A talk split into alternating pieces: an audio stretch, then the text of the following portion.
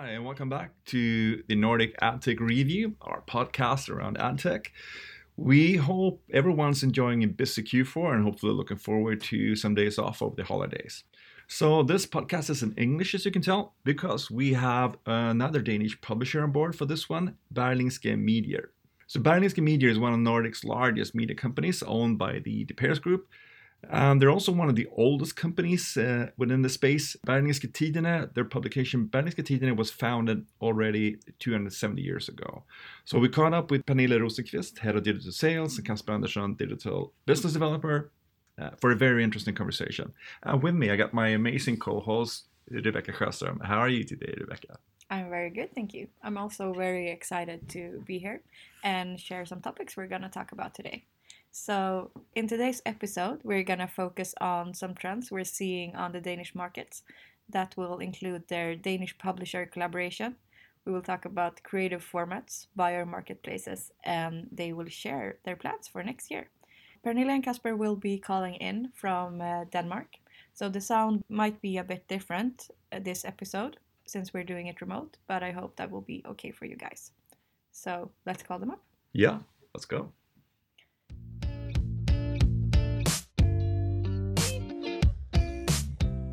Good to be on the podcast. It's going to be exciting. We are from uh, Berlingske Media. I'm myself, uh, Kasper. I've been working here for around six years, and Pernille. I'm Pernille. I'm a digital sales manager.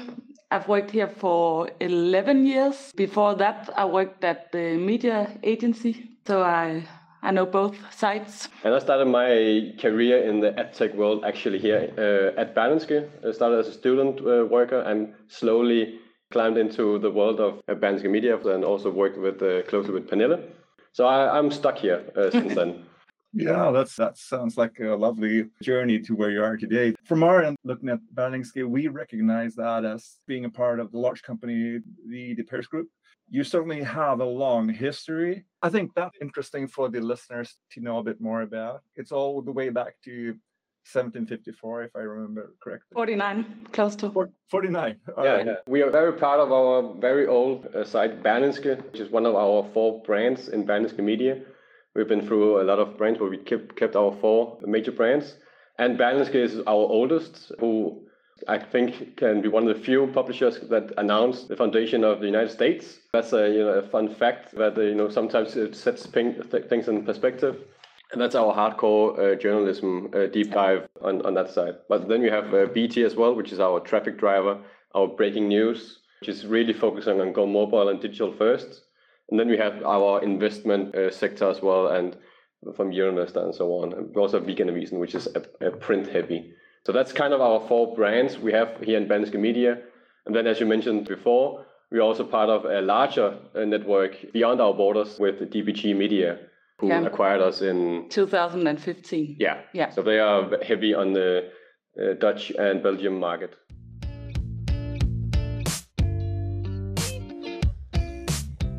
There are some trends that we see are quite specific for the Danish market. And one of them is that you have a tight publisher collaboration. That's something that you could describe on a high level on how you are collaborating with other publishers on the Danish market. Yeah. So last year we launched this uh, publisher platform, which is a self-service platform, and it's the large publishers of Denmark. I think we cover about ninety percent of all people above yeah. fifteen years old yeah. together. And the, the targeting in the platform is uh, at the moment based on contextual data, but later we will also add first party data of course in silos at the different medias but uh, that's the next thing to do yeah. in the publisher platform and trying to collaborate between publishers kind of set the foundation of gaining more control of infrastructure if we want to compare with uh, facebook or, or google so to say so, so that was uh, one of the main reasons for doing this is to have a better alternative than Google and Facebook. And having this uh, coalition between publishers was, uh, you know, the gateway to a segue to uh, gain more reach. Uh, and also make it easy for everyone to book programmatic yeah. campaigns. Because we always have to accommodate what the needs for the market is, and they don't, you know, they're used to do programmatic buying, and if you do that, you don't need to, you know, seven different deals. You can run one campaign, and that's then it's uh, diversing the spend pretty easily. So we want to still have that with the publisher platform.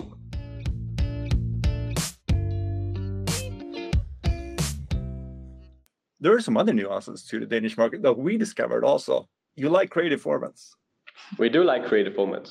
We, we, we really do. We had a we actually had a good uh, seminar two days ago. Was it a Nielsen study or something like that? Uh, an old one that you know fifty percent is the campaign setup, uh, other fifty is the, the format. And uh, what we have seen is there's a lot of creativity uh, on desktop, of course, but in a in a mobile environment, mobile is just performing better. And a mobile environment is very locked in its it is small form, so to say. So we are experimenting a lot with uh, creative formats. So we have uh, interscroll formats and we have some top scroll formats as well. So we keep innovating on the creative level uh, because we know it's very important. And we have a player in the market Adnami Yep. who kind of facilitates that across the whole market yeah, across the whole market in Denmark. Yeah. making sure that it runs through the programmatic pipes because this is also something that if you want to perform better, let's say Google uh, or in Prebid, create a format like that, which is executable for um, Prebid, for example, can you know in, uh, increase your performance on that campaign, and it makes a huge it makes a huge difference. Yeah. And I also think that's if we want to talk what the publisher's place in the in the agency market is, this is where we need to excel to truly, you know, divert us from just do what Facebook or Google do, and we can't do TV. So what what should a news publisher do in the in the marketing space? Yeah, I was just wondering, what would you say are the most used creative formats at the moment that you see a lot of demand from buyers on? The most popular format is uh, top scroll, the top scroll format. Yeah. Right. Um, and we offer this format in the publisher platform, in deals, in the agency SSPs, and direct sales, of course, Yeah. not in the open market. So it's it's this re- rela- relation-based sales that we focus a lot on. I, I, would assume that that would also attract new type of budgets and new advertisers. Just from from our perspective here, I also I, I would assume that from the agency side that they would like the kind of reporting that you would provide them with. Uh, I understand there's you know you have your regular media metrics that that always are available, obviously, but then something that's that is more measured around brand equity scorecard KPIs where you see uplifts and all that that probably online hasn't been great at producing previously. So um, and having those high impact format with that type of reporting to be delivered with, uh, that that must be a great thing for a brand or a buyer to actually uh, receive. Yeah, and I also think it's very important that publishers embrace or figure out that that's that's their position in the market. Uh, because uh, we have a conversion uh, a conversion driver that's going to be Google search, also Facebook in some sort. Um, we have a, uh, a, you know we have TV that's very difficult to to uh, to have an alternative of because uh, and that's also where the biggest budget are. But we can uh, attract some of the TV effectiveness if we want to embrace uh, high impact formats. So what uh, I think a publishers is uh, very good at is uh, having a brand safe uh, environment, which in in the end will uh, you know impact greater uh, for brand lift metrics than you know uh, a a brand campaign on Facebook or something would do. Yeah, so it's important to look at other metrics than usually because it's very large formats, so viewability is not very good. Yeah, and that, yeah, and that, that's the that's the difficult difficulty. So having the formats is, is one thing. Having the, the right content content is uh, also part of it. Also having the right data to actually reach the, the target audience. But if in the end we still measure on click rates and viewability, we are not really proving our effectiveness, and then we we are kind of lost in the attribution game. That's very effective on Google and Facebook. So it is. It, it- we are looking into how can we actually measure, you know, brand lift awareness, uh, consideration, interest, stuff like that. And Uh, prove value of it. yeah, and then we actually can improve the value of it. So, and having that while we make sure we have a healthy relation-based ecosystem we can start talking with our agencies or advertisers. What do you actually want with this campaign? And if the campaign goal is, well, I actually want to bring more awareness, and then they continue with, so we need to have this much reach and visibility and clicks, and fine, that's good. But we can also measure if you actually are uh, doing some uplift in awareness as a as a KPI. So that's you, I think we need to integrate the marketing funnel as uh, campaign KPIs as a core metric. Right. Yeah, and I think that's that's uh, to me that's new budgets and new money, and you moving further up the funnel to to actually gain that. So yeah. so interesting. And video is not really part of that. That's or do you see that going to the creative sort of bucket as well? I mean, video in, in the format is is also doing that. So I think TV uh, and video is one of the best formats to bring awareness or bring branding capabilities. Video or TV can't measure it. Uh, so, so, so the advantage of being digital, we can actually measure it very uh, precisely on a campaign level and you know in nitty gritty.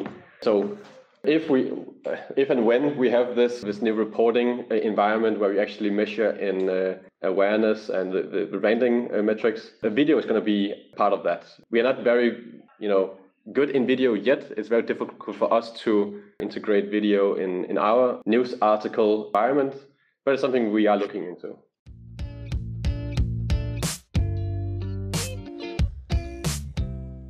we do have some other trends that's quite specific for the Danish market. So we have a trend of buyers uh, starting to use SSPs on their end as well. In the majority of the rest of the Nordics, this is something that hasn't been adapted uh, that heavily yet. However, it seems like on the Danish market, this is implemented uh, with a lot of publishers.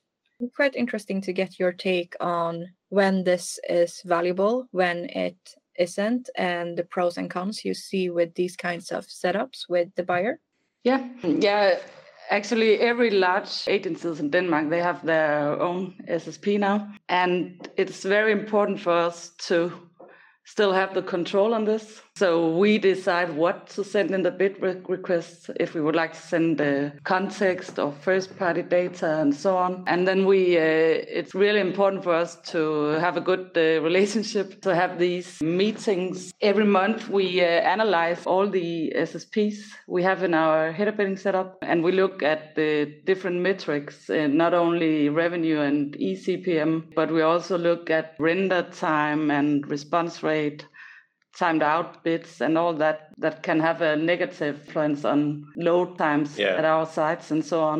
So it's really important to have this dialogue and and show them how it looks from our side and optimize. Yeah. And setting p- things in perspective, I, I think what we want to do is have a very healthy relationship with the agencies and the buyers. Mm-hmm. And if the agencies and the buyers are put in a black box, let's say uh, you know, in the Danish market, a lot of uh, the demand is coming from open auction, uh, which is a black box for us, and we have limited uh, resources or uh, to actually d- uh, do something actionable. Yep. So having them out of that, uh, but still maintaining the same level of complex buying patterns, stuff like that. You know, the pre-bid is you know obvious choice, and having agencies giving the SSP will still allow the same level of advanced programmatic buying Mm-hmm. but then we have them out of the black box and we can start measuring all these things. It, it doesn't give us a full control, but it gives us more control yeah. than the open market. A lot more control. And yeah. with our uh, analytics layer we have on top of our pre-bid stack, we can have a more technical talk with the agencies now because now they're also part of uh, our tech stack. So before it was all maybe just demand driven, now it's also a mm-hmm. tech driven talk we have with them. So of course, uh, the main thing is uh, that we want to have a healthy revenue streams uh, uh from them. Uh, but we can look at more technical stuff and say, okay, maybe you have to improve on that to actually reach your uh, revenue goal we have for them. So and especially now when we also have a lot of focus on load times as well. So if an SSP is not really functioning technically, that's also a quite a demand we have them on now. So you need to need better pipes in, in your end, or you might have uh, heavy creatives. You're uh, having double verification stuff on, on every uh, bit you're buying. That's not going to work, and that's something we're gonna we're gonna catch. So we have a, a much more healthy dialogue with agencies when we have the, them in uh, our pre-bid integration. Yeah, but but we have to set up these uh, rules uh, like um, we also need to see the data from them. So we need this uh, API connection so we don't get the, the data manually, but we can connect to it in our own systems. Yeah, It's really. Right. So yeah. So so that's uh, one of the things that I was thinking about a little bit. The it's interesting that you speak to to Prebid, and we have some some follow ups on that because we we see that as a, as a highly highly useful pro- protocol for the publishers. And uh, so it would be interesting to know a little, bit- a little bit more on what type of data you analyze there, how you work through it, and what you optimize on. Um, I was regarding the agencies. That's that's an interesting one when you have these meetings monthly and you go through all the important KPIs. What what kind of differences do you see, uh, and, and what are the agencies responding to that, and how are you able to work with them to correct things if, if things are not working as you hoped they would? Um, how do, how how are those conversations? Uh, that that would be interesting to know a bit more about. I think just a brief, uh, maybe uh, something you don't really, uh, you know, expect, but when we have a scoreboard of them, so they have a score from one to five basically, and of course if you're five, you're green, and if you're uh, two or three, you are red or yellow, and I think when and it's it's always compared for in their own stack, so always all are compared to the best in best in class, so to say. So it's all, it's also very a dynamic score score ranges. And let's say if we are talking with an agency and they are in uh, yellow or red, then they know, oh shit, we actually need to do some uh, an extra effort to actually Mhm. prove that we still have uh, Yeah. a place in our stack. Because one of the consequences is that if you're uh, continuously underperforming in our stack, having low, low, score, and we don't see improvements, they don't really have a place in our stack anymore. And then uh, we remove them. Uh, it's kind of our, one of our legacy uh, things that when we started Prebid, we actually just onboarded a lot of SSPs because more SSPs meant more demand. But we couldn't really understand diversification of is the demand unique or are we just adding more pipes to to system. So it's also a, a hygiene thing for us to uh, to have this.